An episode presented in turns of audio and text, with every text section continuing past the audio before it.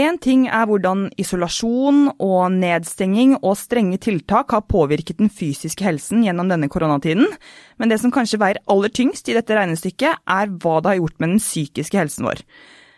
Hvordan vår mentale tilstand påvirker prestasjoner i idretten er et omfattende tema, men den fundamentale betydningen dette har for folkehelsa, det gjør at tiltakene vi opplever i dag, er ja, urovekkende.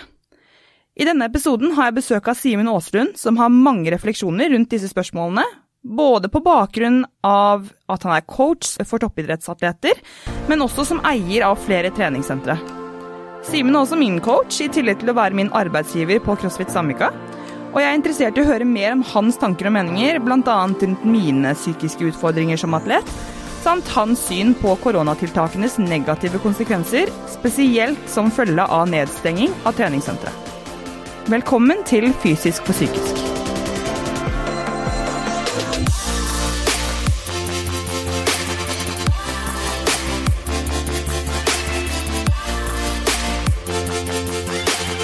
Jeg er så heldig å ha med meg tights.no på laget, som gir meg muligheten til å faktisk kunne lage denne podkasten, og det er jeg så utrolig glad for.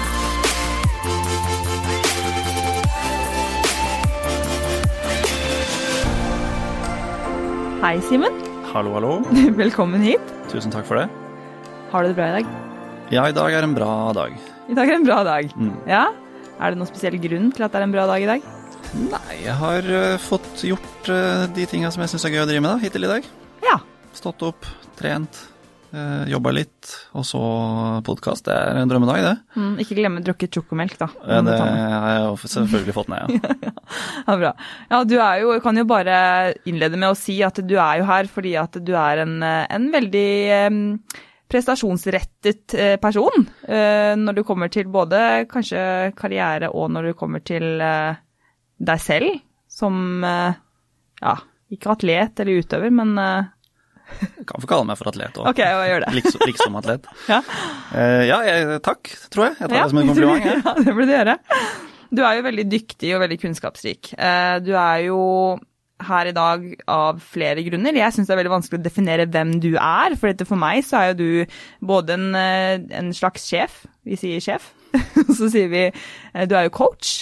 Mm. Og så er du jo på en måte blitt en, en, venn og en kompis i tillegg. Eh, så det er liksom vanskelig å, å sette deg i noen bås. Men du kan jo kanskje forklare litt selv eh, hvem du er, da, og hva du gjør? Ja, det kan jeg. Jeg gjør jo som du sier litt forskjellige ting, mm. men uh, for øyeblikket så er det Ja, nå prøvde jeg å telle kjapt i hodet hvor mange forskjellige hatter det er, men uh, den fire, fem, seks ting, da. det jeg bruker mesteparten av tida mi på, er jo å drive noen treningssenter som jeg er med og eier, sammen med noen andre. Så det er på en måte den, det som fyller mesteparten av tida mi. I tillegg så er jeg coach eh, for crossfit-utøvere, eh, hvor jeg jobber med en del utøvere individuelt, både i Norge og internasjonalt. Blant annet eh, deg da, Silje. Det er Ja. veldig gøy. Eh, og så er jeg med og eh, har en liten finger med i spillet på en del utøvere som eh, konkurrerer på eh, enda høyere internasjonalt eh, nivå. Mm, blant annet Kristin. Blant som annet var, eh, Kristin. Ja, som Også- var i siste episode. Ja. Og så er jeg litt involvert i eh, noe som heter The Training Plan, hvor vi bl.a. Uh, følger opp en utøver som heter Bjørgvin Karl Gudmundsson, som har vært høyt oppe internasjonalt eh, de siste åra. Mm. så i tillegg til coachinga, så foreleser jeg for eh, Akademi for personlige trenere, hvor jeg da jobber med å utdanne nye PT-er. Det er veldig gøy. Og så er jeg eh, sportssjef i Norges Functional Fitness Forbund, hvor jeg da har ansvaret for eh, landslaget og utvikling av toppidrett der. Mm. Eh, ja, og det er vel eh, de viktigste tingene, tenker jeg. De viktigste. Men hva er, hva er egentlig bakgrunnen din da, og utdannelsen din? Jeg er utdanna idrettsfysiolog, eh, som er en bachelorgrad. Og så etter det så har jeg tatt eh, eh, et par nettstudier. Ett år på en skole i Nederland og ett år på en skole i USA. Eh, og så fylte på med litt kurs innenfor vektløfting og gymnastics og crossfit. Og prøver å være bevisst på at eh, det alltid er lurt å fortsette å utdanne seg, selv om det er nå nesten ti år siden jeg var ferdig med bacheloroppgaven min. Og nå følte jeg meg gammel. Men eh, jeg har i hvert fall prøvd å fortsette å utdanne meg. Ja, ja. Mm. Ja, altså du er jo eh, Du kan jo merke det at jeg syns i hvert fall Jeg snakker jo til deg også, eller om deg til flere, at du er jo kanskje en av de smarteste og dyktigste personene jeg kjenner når det kommer til eh, altså fysiologi og det å skjønne og sette opp treningsprogram og, og skjønne kroppen, da. Og, og, jeg er jo utrolig fornøyd, kan jeg jo si med en gang, med, med mitt program. Så bra. Eh, og det kommer vi til å komme inn på litt senere. Men, eh, men, du jobber jo med flere idrettsutøvere, og så har du jo kanskje vært litt utøver selv også tidligere? Ja, jeg har det. Jeg har prøvd meg på litt forskjellige ting. Sånn opp gjennom barndommen så drev jeg jo med alt, sånn som eh, mange gjør med fotball og håndball og langrenn. Og så skjønte jeg vel et sted rundt 13-14-årsalderen at jeg hadde lyst til å bli verdens beste langrennsløper. Ja. og gikk ganske knallhardt inn for det, egentlig. Eh, begynte å føre treningsdagbok når jeg var 13, eh, som jeg fortsatt har lagra. Og mm, det volumet som ble trent det året jeg var 13 og 14 og 15 og 16, eh, er nok omtrent det samme som Kanskje mer enn det jeg tåler å trene nå. og så ble jeg ikke verdens beste langrennsløper, men jeg ble brukbar på en del andre ting, fant jeg ut. Bl.a. rulleski og triatlon, hvor jeg fikk et par år på juniorlandslag og litt eh, internasjonale konkurranser. Mm. Mm. Ja, for Du har jo i hvert fall en mye erfaring da, innenfor, uh, innenfor det med konkurranse. Ja, jeg syns mm. det har vært veldig gøy. Jeg elsker å konkurrere uh, i alt, og det var veldig, veldig trist når jeg i 2010 ødela ryggen min og kjempa vel egentlig et år eller to for å komme tilbake, før jeg innså at det ikke kom til å skje. Eh, la det litt på hylla og trente bare for moro i noen år. Og så dukka CrossFit opp i 2012. Eh, og da var fortsatt ryggskaden ikke bra nok til å på en måte være i nærheten av å konkurrere. Eh, men så i 2015-16-17 så begynte ting å på en måte komme seg litt, og så har det blitt litt crossfit-konkurranser både i Norge og litt i utlandet. Ja. Mm. Ja, for du syns, jo, jo, det er kjempegøy å konkurrere, og jeg vet jo at du er jo også ekstremt god på ergs, blant annet. Ja, det dukka opp en konkurranse som det virka som det var noen som hadde skreddersydd for meg, så ja. meldte jeg meg på den. Ja. Eh, laga vektklasser som var helt perfekt for meg, og plukka de tre favorittmaskinene mine, så da Du spiste knekkebrød da i fire uker eller noe? Å nei, jeg kan uh, spise sjokoladepudding og vaniljesaus til dessert og gå ned fire kilo allikevel, så det var ikke noe problem. Ja, det er noen som har det. Ja, jeg måtte ja. ned fra 89 til 85 kilo, uh, mm. og planen var jo at jeg skulle ta seks uker, men det tok én uh, uke, tror jeg. Ja. Så var det nesten vanskelig å holde seg på 85. Ja. Så Uh, ja, nei, det, men den, den, passer meg veldig bra. Ja, og det er jo veldig kult. Jo, men når du snakker om, om, din livserfaring, da, både som utøver og når det kommer til utdannelse og karriere, uh, så har det jo kanskje gjort at du har hatt mye fokus, altså du må ha endret mye fokus opp igjennom i forhold til hva du tenker med din egen trening. Mm. Uh, og kanskje da som har gitt deg verktøy som, som, gjør deg til en bedre coach, da hvordan du kan legge opp og planlegge trening bedre for andre. Um, så tenker jeg jo også at uh, du vet jo også, selv om du Dette kan vi jo også snakke om litt, om litt men jeg vet jo at du er veldig um, du er veldig annerledes enn meg når det kommer til kan jeg, tror jeg i hvert fall da, når det kommer til det å, å, å, skulle prestere, hvor mye forventninger og krav du setter til deg selv, og kanskje også litt hvordan du tenker, eh, tenker om deg selv og, og, om situasjoner, og ikke gjør ting så veldig altomfattende, men du er litt mer sånn kan ikke kalle, Trenger ikke å kalle det kynisk, men at du, er, du syns det er litt lettere kanskje å legge bort ting, da. Ja, det kan nok stemme til en viss grad, ja. ja. Jeg tror øh, opp ettersom jeg har konkurrert så mye individuelt, og jeg, som jeg sa, ganske tidlig bestemte meg for at jeg hadde lyst til å bli verdens beste langrennsløper, eh, da har man på en måte lagt lista litt for hva som er et bra resultat, og hva som ikke er et bra resultat. Mm. Så jeg har jo på en måte eh, Jeg vil nok tro at jeg kanskje i løpet av eh, den langrenns- eller triatlonsatsinga mi mellom 14 og 20 år, så gjorde vi kanskje 50-60 konkurranser i året i ja. seks år. Eh, så du ender jo på å ha gjort fryktelig mye individuelle konkurranser, og så er det kanskje fem av de hvor du har nådd målet ditt. Ja. Eh, så du kan kanskje i ettertid se på det som trening på å takle at ting ikke går sånn som du håper, alltid. Mm, mm. Og så på en måte akseptere at det er greit. Ja. Og det har nok kanskje vært en eh, fordel på mange ting, da. Ja. Og det er, jo, det er jo kjempebra i forhold til det vi har tenkt å snakke om i dag når det kommer til det med prestasjon. Og det med Altså, du har jo både prestasjon sånn generelt med å trene toppidrettsutøvere eller trene utøvere, og så har du jo eh, generelt for, for eh, alle som trener på crossfiten, sant? og de, de sentrene som du driver. Mm. Der er jo prestasjon en stor del av det, men jeg tror også prestasjonsangst, som jeg sliter med, og som sikkert flere har utfordringer med, at det er, eh, det er også fint å snakke litt rundt, da, bare for at det er ikke eh, Det blir jo veldig tydelig jo eh, høyere mål du setter deg, men det vil jo gjelde for alle. Mm. og Uh, bare så det er sagt, så har jo vi, vi har jo fått, fått åpne igjen nå. Så vi har jo, vi har, har jo en, fått møte medlemmene våre igjen.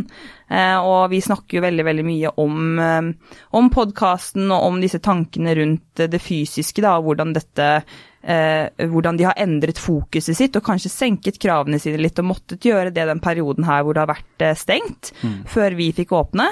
Uh, og som har vært så heldige som har gjort det på um, Høvik eller Haslum, eller hvor vi skal kalle det, der hvor vi holder til.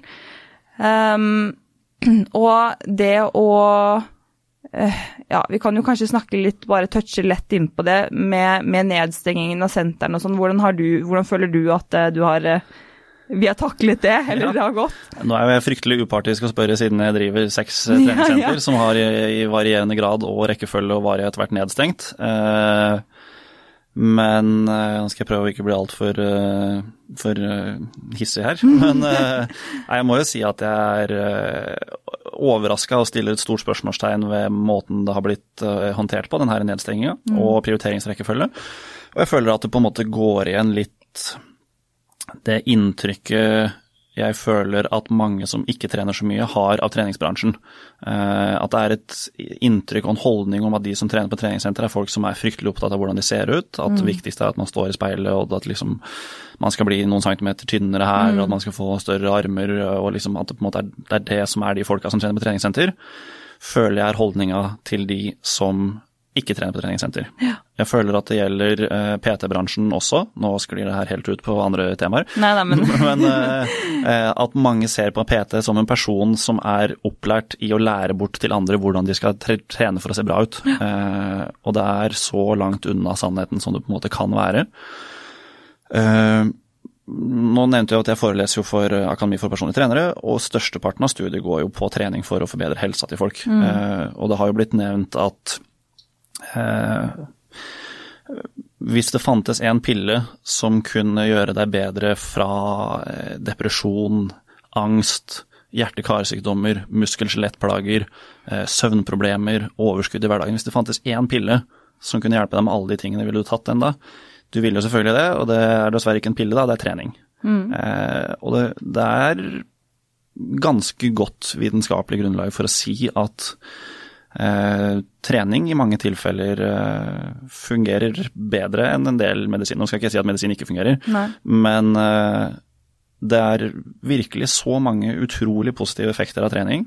Eh, og treningsbransjen og PT-bransjen er bygd opp for å hjelpe folk med å på en måte dra nytte av de her helsegevinstene. Mm. Eh, og det er på en måte det det dreier seg om. Ja. Så min frykt i forbindelse med nedstenging pga. korona har jo vært at jeg frykter at den negative konsekvensen av å ta fra folk den her eh, magiske helsefremmende pillen som det trening er, mm.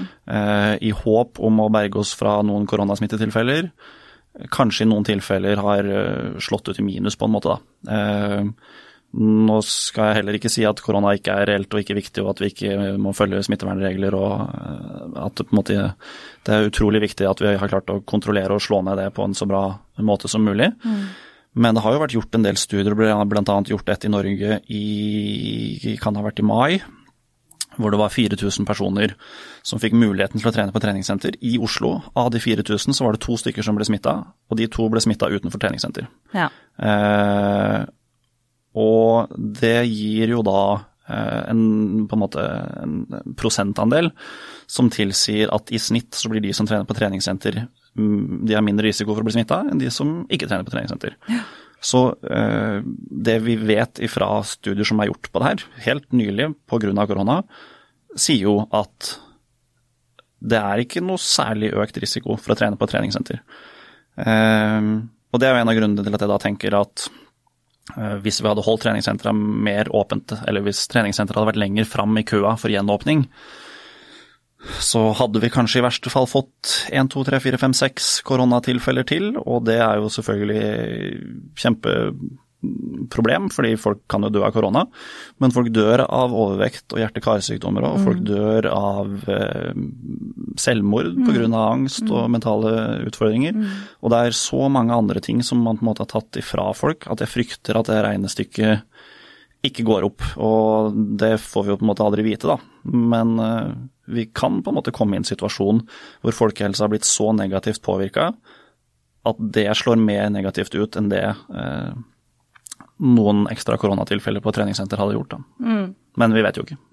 Men jeg tenker jo selvfølgelig det siden jeg driver treningssenter. Ja, ja men jeg, altså jeg, kan jo bare si at jeg er så enig i alt du sier. Eh, og en av grunnene til at jeg ble så emosjonell når vi fikk åpnet igjen. og fordi jeg kjenner jo på den, og som jeg sa, at folk kommer til meg og snakker til meg om, om eh, hvor mye denne eh, perioden har påvirket dem mest psykisk. Mm. Og at det har selvfølgelig vært vanskeligere å trene hjemme. Det er jo mye vanskeligere å, å sette seg i gang hjemme fordi at det er veldig mye lettere å, når du holder deg innenfor dine egne fire dører, at det, jeg vet jo fort at det er veldig fort gjort å bli latere, eller mm. at man begynner å tenke seg dårligere, rett og slett. Ja, og nå sier du det som en person som ikke har noe problem med å trene to økter om dagen og har gjort det de siste ti åra. Mm. Du kan tenke deg en person som aldri har vært på treningssenter hele sitt liv, ja. begynte hos oss på CrossFit Sandvika i september f.eks., mm. som bare som et eksempel. Mm.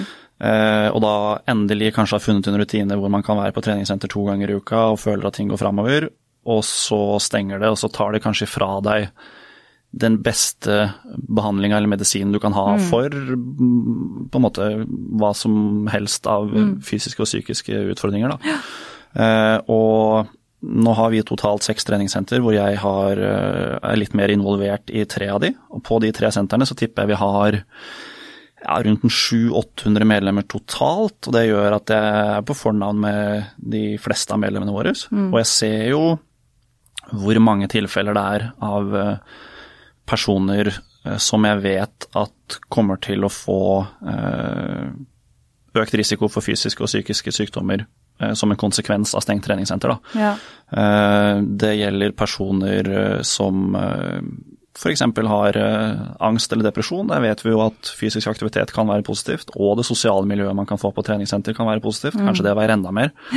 Vi har personer som er uh, sykelig overvektige uh, og i kjemperisikosone for hjerte-karsykdommer, hvor fysisk aktivitet er det desidert beste de kan gjøre. Mm. Og de personene er jo ikke folk som Altså Grunnen til at man kommer i en situasjon hvor man er sykelig overvektig, er jo fordi man ikke har som en naturlig del av livet å være fysisk aktiv. Eh, og Hvis man da har kommet seg inn på treningssenteret og fått hjelp med det, så er man jo på, en, på god vei. Eh, men det er ikke folk som på en måte står opp om morgenen og løper seks ganger fire minutter intervaller på egen hånd Nei. Eh, når treningssenteret er stengt. Nei. Det er folk som har behov for å komme, være en del av et miljø, få hjelp av en coach, få rutiner, ha faste tidspunkter. Det er det som hjelper de med å komme i gang. Mm. og de har jo slitt, og det forstår jeg veldig godt. Mm.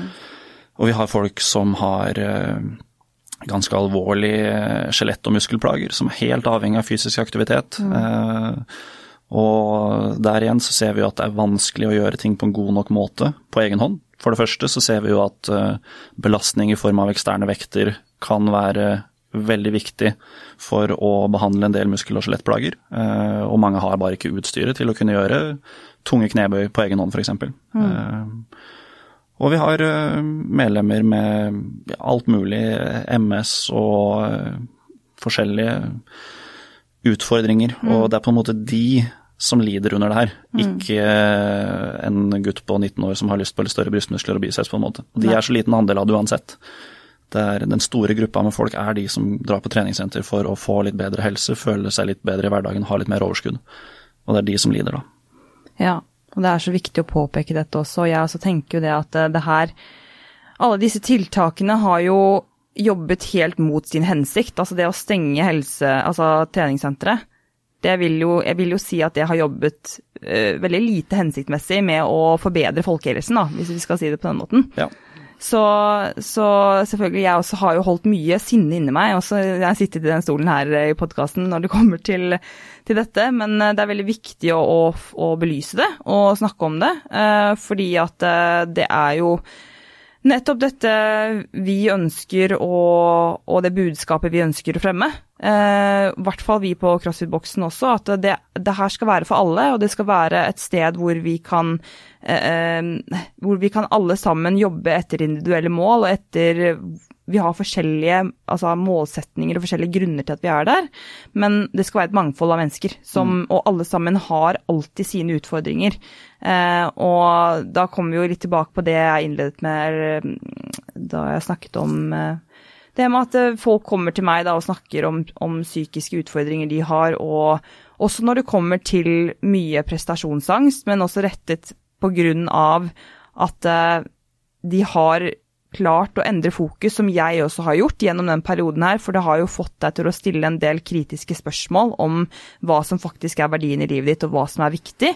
Fordi hvis, hvis for å komme seg gjennom denne perioden, som har vært jævlig tøff for jævlig mange, det må jeg bare banne, så er det, så er det jo veldig mye eh, som du kan jobbe med psykisk, og det med mentaliteten og hvordan du kan endre kanskje litt på hvordan du tenker i forhold til ting som, som, har vært eh, krevende, og som kanskje man kan håndtere bedre da, i, i eh, situasjoner. Og i hvert fall for mitt tilfelle så er jo det da eh, å jobbe mye med hvorfor jeg trener, og hva min, min målsetning er, og hvordan jeg kan eh, unngå å få disse panikkanfallene, eller å unngå å sette, stille så høye krav til meg selv eller forventninger. Da. Mm. Og dette her er ting jeg har snakket med medlemmer om som bare trener der tre ganger i uka for å, for å ha det gøy, men som også går rundt og kjenner på disse følelsene og tankene. ikke sant? Mm. Men, men, de har sagt at eh, etter en nedstenging, når det kommer tilbake, så er det faktisk noe for at de skulle klare å opprettholde treningen og sånn hjemme, eller klare å ha det bedre psykisk, så har de måttet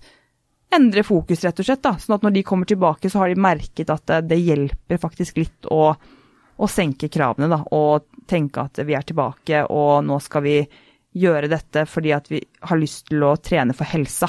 Mm. Og det er jo det som er et veldig viktig fokus å få frem nå, eh, når vi har fått åpnet igjen. Ja. Mm. Uh, og det tror jeg jo at mange har på en måte tenkt at de skal trene for helsa hele tida, men mm. det har blitt et økt bevisst, eller en økt bevissthet rundt det nå. Mm. Vi så jo på treningssentrene de vi har i Oslo-området når vi stengte i mars, og vi fikk åpne igjen i juni-juli. Så har vi Jeg har aldri opplevd sånn respons som vi hadde i juli, august og september, uh, med folk som har lyst til å komme inn og trene, altså nye medlemmer, da. Ehm, så det blir jo spennende å se om vi vil oppleve det samme nå, men jeg tror det er litt sånn som du sier, at en del av det kommer pga. At kanskje flere og flere blir oppmerksomme på hvor positive effekter det kan ha, da, mm. og uh, hvor, uh, hvor, mye det kan hjelpe deg hvis man uh, kan være litt mer i fysisk aktivitet. Mm, mm. Fordi de merker hvordan det har påvirket dem, ikke sant. Og da, da vil du få den kontrasten, da. Så mm. da er det kanskje litt lettere å sette ting i perspektiv. og og ja, ha, ha, en bedre og sunnere, et sunnere forhold til trening. Som er litt det vi snakker om når det kommer til meg også. Ja. ha et sunnere forhold til meg selv. Ja. ja. For du nevnte jo nå eh, kjapt i stad sånne panikkanfall. Mm. Og det har vi jo opplevd mm. litt med deg i treningsarbeidet. Ja. Eh, nå føler jeg at jeg går inn i intervjuerrollen her, men hvorfor, hvorfor, eh, føler du at eh, Fordi jeg husker et tilfelle spesielt hvor eh, kanskje jeg hadde trumfa gjennom at vi skulle gjøre et eller annet. Vi skulle trene på eh, noe spesiell, litt utholdenhetsprega, ganske tøffe intervaller mm. på vei mot en konkurranse som du mm. kanskje skulle være med på. Mm. Eh, og så var jeg til stede når du skulle gjøre en av de øktene, og så fikk du nok en liten sånn eh, mental knekk eller en reaksjon på mm. hva, hva, føler du at var som gjorde at du reagerte sånn som du gjorde? Eller hvordan reagerte du, er kanskje første spørsmålet. Jeg tror det er veldig, veldig bra spørsmål. Det er veldig bra for meg også å kunne prate om det, tror jeg. For jeg tror det er sikkert øh, øh, flere som ikke vet det også, men jeg tror det er litt viktig også å se det som en sånn For meg så har det i hvert fall blitt veldig tegnet et godt bilde på hva eh, hva trening faktisk er, og hvor mye stress det faktisk er på kroppen. Selv om det er en viss form for terapi, så vil det jo være stress oppå stress hvis du har mye stress fra før av. Mm. Og det er jo litt det at jeg sliter jo med, med, angst og mye bekymringer og sånn, og hvis det er veldig mye som tynger meg da, i hodet mitt, så er det eh, kanskje til en viss grad jeg klarer å pushe pulsen min før det begynner å gå over i et panikkanfall, da, mm. hvor jeg ikke klarer å puste. Mm. Ikke sant?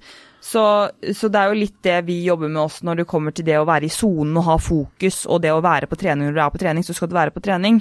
Eh, og da er det litt den å skille mellom det at eh, for min del at jeg Det kan ikke du styre, men at jeg må styre litt den at eh, ok, i dag kjenner jeg at jeg veldig, har veldig mye tanker i hodet. Det har vært mye stress. ikke sant? Jeg har kanskje ikke sovet så godt, og jeg, jeg kjenner at jeg er litt sånn uggen. da, Sånn uggen mental følelse. Eh, og da må jo jeg selv styre det og tenke at vet du hva, i dag kan ikke jeg kjøre en sånn i dag kan ikke jeg pushe. For da vet jeg at det, det, vil ikke være bra for kroppen min. Men nå har jeg opplevd det et par ganger, så prøver å lære av det. Mm -hmm. eh, og da er det litt den å tenke at ok, men selv om ja, trening er terapi, men trening er også veldig rolig trening som ikke trenger å være gå ned i kjelleren-trening. Mm. Og det er også noe som er veldig fint som du har lært meg, da ikke sant, veldig mye om.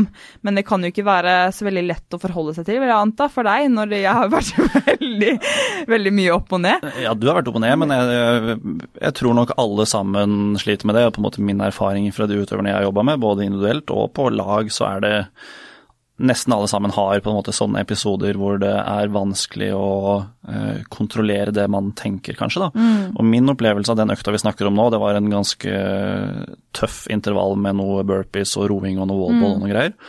Eh, og så hadde jeg skrevet på forhånd at jeg vil at du uh, ikke skal ha det vi kaller for en negativ splitt. Det vil si at hvis du gjør det første intervalldraget på 4,5 minutt, så kan ingen av de andre være treigere enn 4,5 minutt. Mm.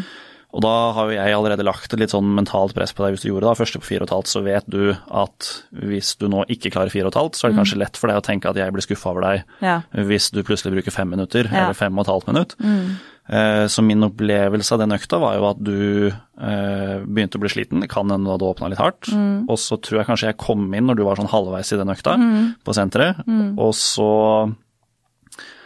er det jo ganske ubehagelig å jobbe med så høy intensitet som det du gjorde på akkurat den økta spesielt. Og da er det å klare å på en måte overtale seg Nå snakker vi om deg som en utøver, da. Ja. Eh, da er det å klare å overtale seg om å finne en grunn til å tåle det ubehaget. Mm. Eh, jeg lurer på om det var fem ganger fem minutter, så det er jo 25 minutter med en ganske ubehagelig høy intensitet. Mm. Eh, og da er man jo, sånn som jeg sa, da er man nødt til å finne en grunn til å tåle at det er så ubehagelig. Mm. Så får du to minutter pause, og så er det nye fem minutter med det her mm. ubehaget og det tøffe kjøret, og så står jeg der og ser på. Mm. Og så dukker det kanskje opp noen tanker i hodet ditt som eh, Hvis jeg ikke klarer det samme som jeg gjorde på forrige, så blir Simen skuffa over meg, eller det her går ikke, jeg klarer ikke å kontrollere pusten min, jeg har så mm. vondt i skuldra og låra. Mm. Eh, og alle de tankene til sammen gjør jo at man ganske det er veldig lett og veldig forståelig at man da kanskje tenker at nei, det ubehaget her orker jeg ikke, men nå stopper jeg. Mm. Eh, og så kan jo det, sånn som kanskje det gjorde for deg i akkurat det tilfellet her, føre til at man eh, begynner å tenke veldig mye, ikke klarer å kontrollere pustinga si, og så mm. begynner man å hyperventilere, så blir ting mm. enda verre, og så har du mm. enda mindre kontroll, og så får du enda mer panikk fordi du har så lite kontroll. Mm. Eh, og så på en måte eskalerer det litt til man bare er nødt til å stoppe, og så eh, på en måte den, den, økta over, og det var den jo da. Mm. Eh, og nå høres jo det kanskje det er helt grusomt ut for de som eh, hører på, eh, men det var en tøff, tøff intervalløkt. Mm. Men jeg tror alle sammen har uh, sånne opplevelser. Ja. At man underveis kanskje på sånne tøffe økter kan spørre seg hvorfor gjør jeg det her. Mm. det tror jeg er naturlig for alle. Ja. Og så er jo spørsmålet da hva skal man gjøre? For å kunne kon ja. kontrollere de situasjonene. Mm. Eh, og min tanke er at man må eh, Det første er jo å ha ganske tydelig for seg hvorfor man gjør det man gjør. Hvis man ikke har noe god indre motivasjon til å jobbe på den intensiteten, så er det veldig forståelig at man ikke orker det ubehaget i 25 minutter. Mm. Eh, så man må enten da ha et eh, inderlig sterkt ønske om at eh, man ønsker å gjøre noe med helsa si f.eks., eller at man ønsker å prestere i en konkurranse, eller hva det måtte være. Men hvis man da ikke har veldig tydelig for seg hva din motivasjon er, så kan det være vanskelig å motivere seg for sånne type økter. da. Ja. Eh, og det er ikke nødvendigvis sagt at man må gjøre sånne type økter, Nei. men for deg som er på så høyt nivå som det du er, for at du skal bli enda bedre, så er du nødt til å ha noen sånne økter. Mm. Og da er det jo viktig at du har tydelig for deg hvorfor du har lyst til å gjøre det her. Hvorfor du skal gjøre den økta som, som kommer. Og det er jo da eh, på en måte et samarbeid. Du må vite hvorfor du har lyst til å oppnå de målene du har satt deg, mm.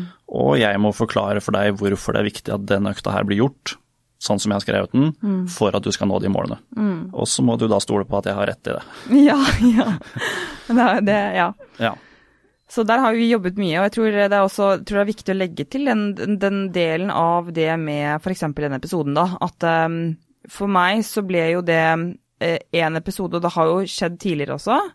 Um, og det er litt um, Når det har vært Eh, jeg kjenner jo veldig, når jeg er veldig sensitiv, veldig mye mer sensitiv noen dager enn andre. Og da vet jeg at det er fordi at jeg kanskje har eh, vært kanskje ekstra slem mot meg selv når det kommer til negative tanker, eller hva det måtte være. Men, men eh, når det kommer til selve grunnen til at jeg trener, så har jeg vært veldig sånn conflicting thoughts, eller hva det heter, hvor, hvor du Jeg jobber veldig med at Jeg vet jo at jeg vil dette her, jeg vet jo hvorfor jeg vil det. Og det vet jeg, det har jeg påpekt også. Det er ikke fordi at jeg ønsker å være bedre enn noen andre. Det er fordi at jeg ønsker å kunne være den beste versjonen av meg selv, mm. men da trenger jeg å ta hensyn til min egen helse. Men jeg har ikke lagt grunnarbeidet godt nok før jeg begynte å ta inn liksom, og skulle sette meg mål som var litt mer konkurransebasert, og basert på kanskje plutselig hva eh, hva som kunne danne litt flere forventninger da, mm. til hva jeg presterte. Og det, lagde, det skapte jo jeg selv. Mm. Så det er ingen andre som har skyld i det enn meg. Men jeg hadde bare aldri tatt meg ordentlig tid til å sette meg ned, for det er jo krevende. Men det å sette seg ned og tenke ok, men hva er det faktisk jeg ønsker å få ut av dette her? Hva er det som er mine mål, og hva er, det, hva er mine verdier? Fordi at det, hvis jeg ikke jobber i tråd med det, så vil det være veldig vanskelig, for da vil du hele tiden føle at du jobber på mål basert på hva andre gjør har lyst til at du skal prestere. Mm. Eh, og den har jeg slitt veldig med, fordi at jeg, jeg, vil jo prestere for meg selv. Men plutselig så begynner jeg å la liksom, det være en sånn derre Ja, men å, nå, nei, nå prøver jeg bare å prestere for alle andre. Men så gjør jeg egentlig ikke det. Det er bare at jeg prøver å legge liksom plutselig ansvaret over på noen andre. Mm. Eh, og jeg ønsker jo å ta det ansvaret selv, og da må jeg tenke OK. Eh, jeg har ansvar i forhold til når jeg må ta en vurdering, for det har vi også jobbet veldig mye med. Jeg skjønner at du ikke har hatt, det så lett med meg som, eh, som, utøver, men du har gjort det veldig bra. Eh, at jeg må ta en vurdering av hvordan jeg føler meg, om det kanskje det er ikke alltid så lett, men hvordan kroppen føles i forhold til hva du faktisk kan pushe på en økt. Mm.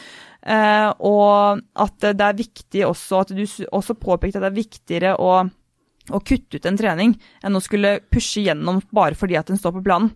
Altså Hvis det er sånn at du kjenner at det, i dag så kjennes det ikke bra, så er det bedre å bare kutte ut eller skru ned intensiteten mye mer. Mm. Og heller da kanskje, hvis det er en intervalløkt, at jeg da setter den til en annen dag. For det er også noe du har forståelse for, men det er litt den Jeg gjør ikke dette her for noen andre. Nei. Ikke sant? Jeg gjør ikke dette for noen andre, så jeg kan ikke stå der og prøve å prestere for andre mennesker. Eh, og det er jo det denne, kanskje den lockdown her har gjort for meg, da, at jeg faktisk har klart å og virkelig sette meg ned, ta noen veldig krevende kan man kalle det, samtaler med meg selv, og ta noen grep som gjør at jeg har et, et hvert fall bedre Jeg skal ikke si at jeg håndterer det helt supert enda, eh, fordi det er ikke bare å knipse med fingrene. Men jeg føler at jeg har et bedre forhold til det, da. Mm. Og at jeg, jeg, kan sette ord på det, og jeg vet og har akseptert at det er sånn, men jeg ønsker å gjøre noe med det. Fordi at jeg har jo ikke lyst til å være en uh, en utøver bare fordi at du syns at jeg er god, og derfor så skal vi gjøre deg god. Eh, det er jo fordi at jeg må vite at vet du hva, Simen ønsker bare å bidra til at jeg skal bli så god som mulig, og da må jeg stole på det. Det er jo derfor jeg også legger det litt i dine hender, at du kjenner meg som atlet nå. Du har jo satt opp da nå nye mål. Eh, vi hadde jo en samtale for uh, en uke siden eller noe sånt nå. Mm. Mm. Den tror jeg var viktig. Ja.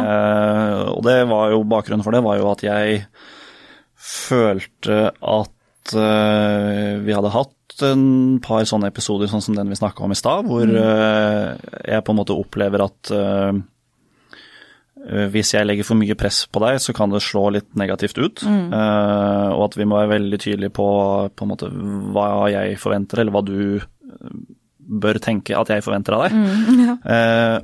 og så har det påvirka måten jeg lager programmet til deg på, har jeg merka de siste par månedene. At mm. jeg bevisst legger opp øktene litt sånn at det skal være vanskeligere for deg å vite om du skal være skuffa eller uh, fornøyd. ja. uh, så det, det, har vært litt sjeldent at vi har gjort ting som er helt identisk med noe vi gjorde for to uker siden, for da blir det veldig lett at du går tilbake igjen til to uker og så ser du ok, da gjorde jeg sånn. Hvis jeg ikke klarer det samme eller bedre i dag, så blir jeg skuffa. Og så har jeg tenkt at jeg vil jo ikke at Silje skal bli skuffa, så da har jeg ikke gjort det, da. Uh, men så vet vi jo sånn rent treningsfysiologisk, hvis man skal endre på noe, så må man eh, jobbe med det ganske kontinuerlig, ganske ofte, over en lengre periode. Og hvis man skal vite om det faktisk funker, så må man gjøre det målbart. Mm. Eh, og eh, jeg tok meg selv litt i å lage program som jeg ikke egentlig syntes var noe bra selv. Ja. Eh, fordi jeg prøvde å tilpasse det til hvordan jeg hadde sett at du responderte på noen av de tingene jeg hadde gitt deg tidligere. Mm. Eh, men så hadde vi jo den praten for en uke siden, og ble på en måte litt mer enige om at vi gjør det heller sånn som jeg tror er lurt mm. å gjøre det, mm. og så tar vi det som en sånn mental treningsbit ved siden av i tillegg. Mm. At ting kommer til å være målbart, og uh, ting kommer til å ikke Altså det kommer ikke til å bli ny personlig rekord hver uke på alle øvelser. uh, og så får vi heller lære oss opp til å tåle det. Eh, og jeg tror du er da i samme kategori som 98% av alle andre som trener. At man mm. har en helt sånn urealistisk, eller kanskje ikke urealistisk, men man har en uh, litt skeiv Et skeivt inntrykk av hvordan ting skal fungere. Uh, og det sier jo litt når du som kan så mye om trening, også mm, kanskje egentlig innerst inne vet at det er ikke sånn det fungerer. Ja. At man kan sette ny personlig rekord hver uke, mm. eh, men allikevel blir skuffa hvis man ikke setter personlig rekord hver uke. Så det vi har gjort med ditt program nå, er at vi har plukka tre-fire egenskaper som vi vil at du skal bli bedre på over neste ni ukers periode. Og de øktene kommer da Det kommer vi til å øve på de egenskapene én til to ganger i uka. Eh, og de egenskapene kommer da til å være målbare, sånn at vi fra uke til uke kommer til å se om uh, du har blitt bedre eller dårligere. Uh, men jeg er jo fornøyd, uh, hvis vi tar front squat som eksempel, vi har det i programmet ditt nå. nå hadde du den første tunge denne uka her, stemmer det? Ja. og da satte du 112,5 i front squat, det er kjempebra. Mm. og vi vil jo at det skal bli bedre mm. i løpet av de neste ni ukene. Og egentlig uansett om det på en måte bare blir bedre med 1,5 kilo, siden du klarer 114 kilo da om ni mm. uker, mm. så er det dritbra. Det er helt rått bra, liksom. Mm. Men det betyr jo at du kan risikere å ikke ta mer enn 112,5. Eh, du skal da løfte en tung front squat én gang i uka de neste ni ukene. Mm. Det er helt greit hvis du i løpet av de åtte ukene, neste åtte ukene ikke klarer å løfte 112,5 eller mer, hvis du løfter 113 eller 14 om ni uker. Eh, og Det betyr jo at kanskje åtte av ni økter da, så kommer du ikke til å perse og det er helt greit. Mm. Uh, og jeg tror kanskje det kan være nyttig for folk å prøve å tenke Jeg tror folk generelt overvurderer hva de kan oppnå på en uke eller en måned, og undervurderer hva de kan oppnå på tre eller fem år. Ja. Uh, så jeg tror folk har godt av å uh, prøve å regne på hvor mye mm. en liten framgang vil gi de på sikt, mm. hvis de kan holde det samme. Ja. Og nå har vi brukt front squat som eksempel på deg, du tok 112 nå. Mm. Eh, hvis vi antar at du klarer 114 om ni uker f.eks., så ville det vært kjempebra. Forresten, ville du vært fornøyd med 114? Ja. Du ville det? Ja, mm. så bra. Helt ærlig. Helt ærlig, men jeg vet jo at mer sitter inne. Ja. Men, jeg, men jeg, det som er, jeg har jo, vet jo at det er flere ting vi skal bli bedre på også. Ja. Det er litt den, litt den, tankegangen, da. Ja, det er bra. Mm. Men hvis vi da deler hele året inn i sånn niukersperioder, så kommer vi til å rekke ca. seks stykker. Mm. Hvis du forbedrer frontsquaten din med to kilo i hver av de seks niukersperiodene, så er det tolv kilo i året. Mm. Hvis vi gjør det i tre år, så er det 36 kilo på frontsquaten din. Ja. Nå har du 112, det betyr at du har 148 om tre år. Og hvis du tar 148 i frontskott, så er du Norges sterkeste i din vektklasse. Uh, by far, antageligvis. Mm. Så igjen, jeg tror folk ser for seg at liksom, jeg må perse neste uke, men i stedet prøve å tenke litt lenger fram i tid, og mm. hvor mye sterkere eller hvor mye bedre vil jeg ha blitt om tre år mm. hvis jeg holder den progresjonen her. Altså én mm. kilo annenhver måned, det er helt sinnssykt bra. Mm. På det nivået du er på nå spesielt. Mm. Men folk er, blir skuffa over det, fordi de klarer ikke å se hvor mye det faktisk kommer til å gi meg hvis jeg bare holder det uh, over en lengre periode. Nei, Det er ikke noe å lure på om du er glad i tall, i hvert fall. Å, jeg er glad i tall. Det er i hvert fall du. Ble det sånn litt mye tall? sånn er det hver gang jeg har gjort en økt eller noe sånt, så er det rett inn og sjekke på et eller annet tall et eller annet sted. Det er veldig gøy. Uh, der er jo jeg litt annerledes, men, uh, men du er jo utrolig kunnskapsrik som, vi, som det kommer fram nå også. Men det er bra. Men jeg tror generelt folk måler seg på tall, på, i hvert fall de som har trent mye eller trent en del. Så har man et slags inntrykk av ok, det tallet her er bra, det tallet her er dårlig. Mm. Uh, og selv om kanskje, sånn som vi nevnte nå, hvis uh, man kan sette en personlig rekord én gang hver niende uke med bare én kilo eller to kilo, mm så klarer fortsatt folk ikke å være helt fornøyd, fordi de klarer ikke å innse hvor mye det vil gi dem på et år eller på tre år. Eh, men eh, det er ikke så lett at man liksom bare kan kaste på fem kilo hver uke i evigheten. Nei, det er veldig sant. Altså er, hvis man får kanskje en sånn uh, plutselig en helt uh, perfekt dag, så Men det skjer jo veldig sjeldent. Men uh, jeg tenker jo sånn Hvis jeg kan Altså beina mine var jo helt ødelagt i går kveld. Mm. så tenker Og så vet jeg jo at jeg har løftet Altså jeg var jo mye sterkere før i tiden. Jeg var, har jo 124 i frontbøy i 2000 og Er det 17 eller 16 eller hva det er for noe? 17, tror jeg. Um, så jeg har jo ikke blitt, har ikke blitt sterkere, men det er jo, ikke sant, jeg er jo blitt en mye mer allround utøver. Mm. Det vil si at jeg har måttet gi avkall på noe. Og det er jo også noe vi prøver å lære medlemmene, også som er viktig å, viktig å påpe, altså, få frem. da. Men hvordan føltes det da for deg når 112 var så tungt, og du vet i bakhodet ditt at du har tatt 124 før? Jeg var fornøyd. Du var fornøyd? Og det her har jeg lært ja. veldig i samarbeid med deg. Ja, ja. Og det er på en måte akkurat det som er poenget. Ja. Uh, man bør senke forventningene litt til seg selv, og prøve mm. å ha et litt mer realistisk syn på uh, hvor bra eller hvor enkelt uh, ting er da, på mm. trening. Hvor, mm. hvor, enkelt man får framgang. Ja. Og jeg tror, uh, igjen sånn som det eksempelet her, at man, man har kanskje 8-10-12-15-20 økter på rad hvor man gjør den samme øvelsen, prøver å gjøre det bedre, og så gjør man ikke bedre. Mm. og så er det kanskje én dag hvor man klarer å legge på to kilo. Eller er litt raskere, eller klarer én repetisjon til på en kroppsvektøvelse, eller hva det er. Eh, og så tenker man at det her er håpløst dårlig, fordi jeg har, 19, jeg har brukt 19 økter på å få to kilo mer. Eh, men på sikt så er det kanskje egentlig det maksimale av hva man kan forvente av fysiologisk adaptasjon uten å dope seg. Da. Mm. Det er veldig sant. Det er jo noe food for thought, holdt jeg på å si. Ja. words for thought. Men, uh, men, du snakker jo veldig Altså, du jobber jo veldig mye med utøvere, så jeg vil jo tro at alle har vel noe snev av, uh, av, av noe form for prestasjonsangst, for man vil jo prestere ja. som en utøver, ikke sant? Jeg tror det er en glidende overgang. Det er vanskelig å på en måte definere hva prestasjonsangst er, men ja. jeg vil si at hvis man lar sine egne forventninger påvirke deg så mye at du får negative konsekvenser, eh, så kan vi kanskje kalle det for prestasjonsangst. Ja. Eh, nå høres det ut som jeg på en måte har alt på stell og kan alt det her. Det var det jeg skulle til også. Men det gjør jeg ikke. Jeg blir jo så nervøs før konkurranse selv ja. at det får negative konsekvenser for meg. Så du kan okay. godt si at jeg har prestasjonsangst òg. Ja. Eh, men sånn som den forrige på en måte litt viktige konkurransen jeg gjorde, var NM i trihjul, da, som var sånn sykkel og romaskin og stakemaskin. Eh, og da hadde jeg jo problemer med å spise hele dagen før, sov ikke noe særlig den natta, mm. hadde problemer med å få i meg næring på morgenen, og det er jo ikke optimalt på noen som helst slags måte. Eh, så jeg blir jo kjempenervøs, mer nervøs enn det som på en måte kanskje ville vært optimalt. Eh, men så har jeg jo lært meg litt sånne strategier for å prøve å kontrollere spenningsnivået. Det kunne jo antageligvis eh, eskalert helt ut av kontroll, så jeg kanskje ikke turte å møte på start i det hele tatt, fordi jeg følte at det var så eh, Jeg gruer meg sånn. Men så er det litt sånn mentale strategier for å komme seg på start allikevel. Prøve å få i seg noe næring allikevel, og prøve å ha spenningsnivået sånn noenlunde under kontroll. Mm. Selv om det aldri, aldri, blir på en måte helt perfekt. Da. Jeg tror for øvrig det er sunt å være litt nervøs. Ja, så du har, jo, du har jo mye kredibilitet i det når du skal jobbe med utøvere, som, så kanskje som meg, da. Når du kommer til det å ha en erfaring eh, med å bruke mentale verktøy, for du har faktisk jobbet med det selv. Mm. Altså du har jobbet med mye mental trening selv når du kommer til dette med prestasjon. Jeg tror, eh, jeg tror, jeg har på en måte måttet det. Mm. Både gjennom den første delen av karrieren min, hvor jeg hadde høye mål og var skuffa over 97% av konkurransen jeg gjorde, så måtte jeg da på en måte finne en fornuftig måte å takle det på, i stedet for å låse meg inne på rommet og grine i flere dager. Eh, og sånn nå i senere tid, hvor jeg fortsatt blir så nervøs at det er vanskelig å sove, vanskelig å spise, vanskelig å kommunisere med folk. Mm.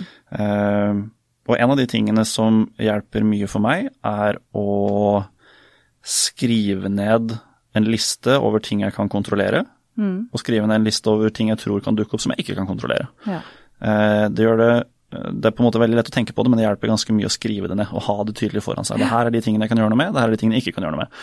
Sånn at når alle de tingene dukker opp, så kjenner jeg igjen hvilken av de to listene det står på.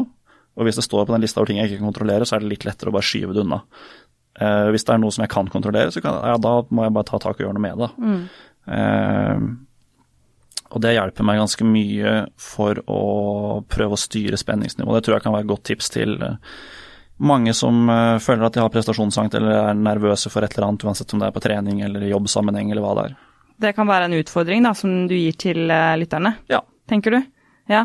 Det er jo um, Og det er jo, sant, jeg er også veldig for det å skrive ned. Altså jeg skriver ned alt. Altså jeg sa jo senest i går til en av mine kunder vi hadde PT-time at jeg har fem notatbøker hjemme.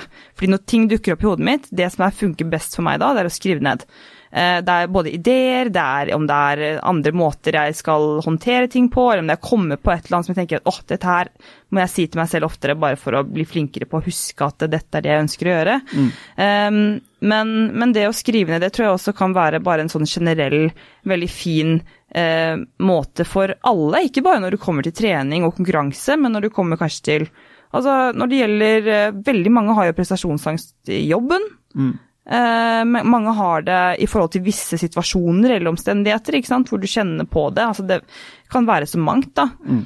Men at, man, at du da setter deg ned og, og, skriver ned hva du kan kontrollere og ikke kontrollere. Det tror jeg er veldig lurt. Ja, Er det noe annet, da? Du pleier jo å gi meg sånne uh, det er en ting. Ja. Det funker jo veldig godt for de som er veldig nervøse før konkurranser eller før en presentasjon på jobb eller hva det måtte være.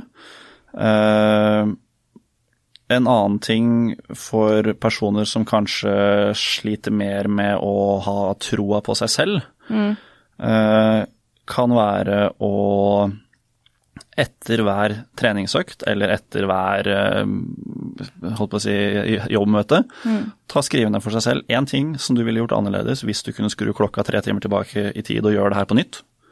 Uh, og to ting som du er eh, stolt av eller fornøyd med måten du håndterte på. Ja. At man har et enda mer bevisst forhold til å hele tida evaluere seg selv. Det her var bra, det her var ikke mm. bra. Mm. Og da må man selvfølgelig akseptere at det aldri kommer til å bli helt bra. At det alltid står noe på den lista over ting som kunne vært gjort enda litt bedre. Mm. Men at man også på en måte gir seg selv litt ros ved å skrive ned to ting som man er stolt over, eller fornøyd med, da. Uh, så det er noe som vi ser at gir ganske god effekt på personer som generelt uh, har en tendens til å ha en litt uh, Snakke litt hardt i seg selv underveis i økter, da. Ja. Eller tenke at man ikke er bra nok. Ja. Det tror jeg kan være lurt. Jeg er veldig flink til å, til å, stille det spørsmålet. og tenker jeg Det blir jo kanskje litt sånn du må, du må øh, jobbe med også hvis du har følt at du har atleter som har da øh, mislykkes, da, la oss si det, i en konkurranse. Mm. Altså de ikke har klart å prestere sånn som de ønsket. For det kan jo være ganske krevende mentalt, da. Ja. Og føle at eh, du, at du, havner mye lenger ned på det leaderboardet enn du, du skulle. Mm. Eh, så er, føler du at du gjør noen flere grep der og er ekstra var på det, eller føler du at eh... En ting eh, kan være at man setter seg eh, to forskjellige mål mm. før en konkurranse eller før et jobbmøte eller hva det ja, måtte være. Ja. Eh, vi skiller mellom det som heter prestasjonsmål og det som heter resultatmål. Mm. Før en konkurranse, så hvis du f.eks. skal være med på CrossFit Open, som nå kommer eh, i midten av mars, så vil et resultatmål være at du skal være Si du skal være topp eh, ti i Norge. Eh, det vil være et resultatmål. Problemet med resultatmål er at du kan jo gjøre ditt aller, aller beste. Du kan være i ditt livsform, prestere på så bra som du aldri har prestert før. Men hvis det er ti jenter i Trondheim som har lagt ned et kjempebra treningsarbeid og liksom også er i toppform, så kan det hende at du blir nummer elleve, da. Mm. Eh, og det er på en måte noe av svakheten ved å kun ha et resultatmål, at man kun ser på den leaderboarden. Eh, hvis det ikke står et tall mellom én og ti der, så er du ikke fornøyd. Mm. Eh, hvis det står elleve eller høyere, så er du misfornøyd. Mm. Og Derfor er det lurt å ha et prestasjonsmål i tillegg. Eh, og Et prestasjonsmål er jo litt mer diffust, men det kan f.eks. være at eh, hvis det er en økt som er eh, 27, 21, 15, 9 med thrusters og kaloriroing, så skal du gå en broken på de thrustersa f.eks. Eh, altså du skal kunne gjøre alle 27 repetisjonene uten å legge stanga på bakken. Mm. Hvis du klarer det, så har du nådd prestasjonsmålet ditt. Og så får det bli det det blir på resultatlista, uavhengig av det. da. Ja. Eh, Og fordelen med et prestasjonsmål er at du er 100% i kontroll om du når det eller ikke. På et resultatmål så er du avhengig av hva andre gjør, mm. så det kan du ikke styre. Derfor er det lurt å ha begge deler og ha et bevisst forhold til på en måte hva man fokuserer på. Jeg sier ikke man ikke skal ha som mål å bli topp ti i Norge hvis, man, hvis, det på en måte er realistisk, men hvis du da har et prestasjonsmål om at du skal gjøre sånn og sånn på hver økt, og du gjør alt etter planen, du når alle prestasjonsmålene dine, du gjør akkurat sånn som holdt på å si, jeg har sagt at du skal gjøre, eller vi har blitt enige om at du skal gjøre, ja. eh, og så blir du allikevel nummer tolv i Norge, så har man fortsatt grunn til å være fornøyd. Ja. Fordi du kan ikke påvirke hva de andre gjør. Det er, kjempe, det er kjempeviktig, og jeg tror eh, jeg tror det er sånn, sånn når vi har snakket Altså for å oppsummere hva vi har snakket om, og bare generelt gi et tiltak, eller gi noe som, som kan forbedre livene til, til eh, veldig mange. Så når det kommer til nettopp dette med hvordan vi, skal, hvordan vi skal prøve, for jeg vil jo tro at kanskje mange tenker ok, men hvordan skal vi klare å, å minske dette? Og vi har jo gitt ganske mange verktøy nå, vil jeg jo si. Du er jo veldig flink til det. Eh, og, men da rett og slett hva er, hva, hva er, det du ønsker å prestere? Da, for da skal du føle deg bra nok. Ikke sant? Hvis du presterer etter hva du ønsker å prestere, eller hva du har satt som mål, og at du skal prestere i en gitt situasjon, så vil jo det, skal jo det tilsi at du er fornøyd. Men ofte så blir vi jo dratt inn i alle disse ytre faktorene, da, mm. som spiller en mye større rolle, som vi ikke kan kontrollere. Ja. Og det er jo veldig, for da blir du en sånn, offerrolle, det blir en offerrolle, da. Du ja. setter deg selv i det rett og slett. Mm. Mm. Utfordringa her er at det vi har snakka om nå, er jo det vi kaller for mental trening. Mm. Og som fysisk trening så holder det på en måte ikke å vite hvordan man skal gjøre det. Nei. Det holder ikke å gjøre det én gang. Du må antageligvis gjøre det mange ganger i uka, kanskje hver dag, mm. over en lengre periode. Ja. Fordi det her å klare å når den her skuffelsen dukker opp når du kanskje ser at noen som du trodde skulle være foran din økt, plutselig er foran deg, mm. Eh, så er det sterke følelser involvert, og det å da kunne på en måte nullstille seg og dra fram den her mentale treningstipsene som vi har snakka om nå, det er ikke sånn som på en måte bare skjer hvis du har gjort det én gang før. Det må øves på, det må trenes på. Eh, og jeg tror det, det, må på en måte ha et bevisst forhold til at man gjør over en lengre periode, så kan man bli litt og litt bedre på det.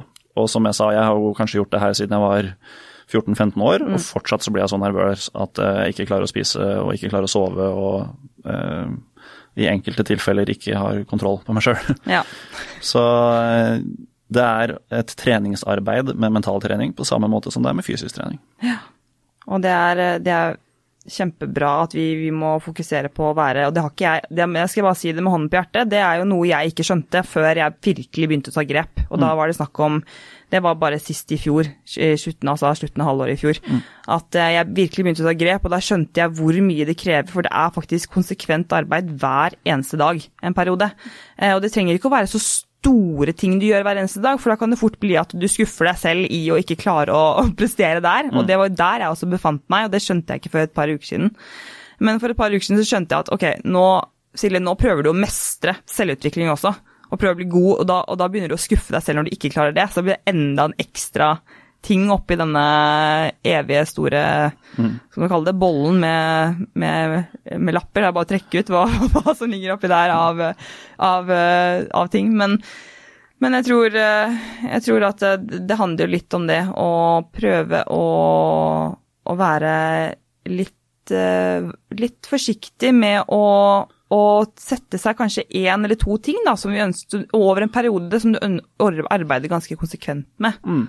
Eh, hvis det er veldig viktig for, for deg å jobbe eh, med noe som du skal prestere i, for det er jo greit å pushe seg litt utenfor komfortsonen. Litt sånn ok, men hva, hvorfor gjør jeg dette her, hva kan jeg kontrollere? Eh, og litt den der veie opp liksom, hva er det mine verdier, og gjør jeg dette her basert på riktig grunnlag, kan jo kanskje være greit å stille seg selv da, hvis man sliter veldig mye med det. Mm. Mm. Helt klart. Og skriv ned. Skrive ned. Når det står skrevet ned, så blir ting litt mer ekte enn ja. hvis det er bare noe man har tenkt. Absolutt.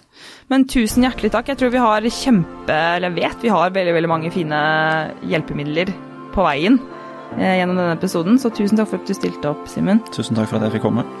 Takk selv. Vi ses jo sikkert eh, snart, snart igjen i løpet av uka, vi, Simen. Det gjør vi nå. Men eh, da vil jeg bare si til deg der hjemme at eh, du må i hvert fall huske å være snill med deg selv. Ha det bra.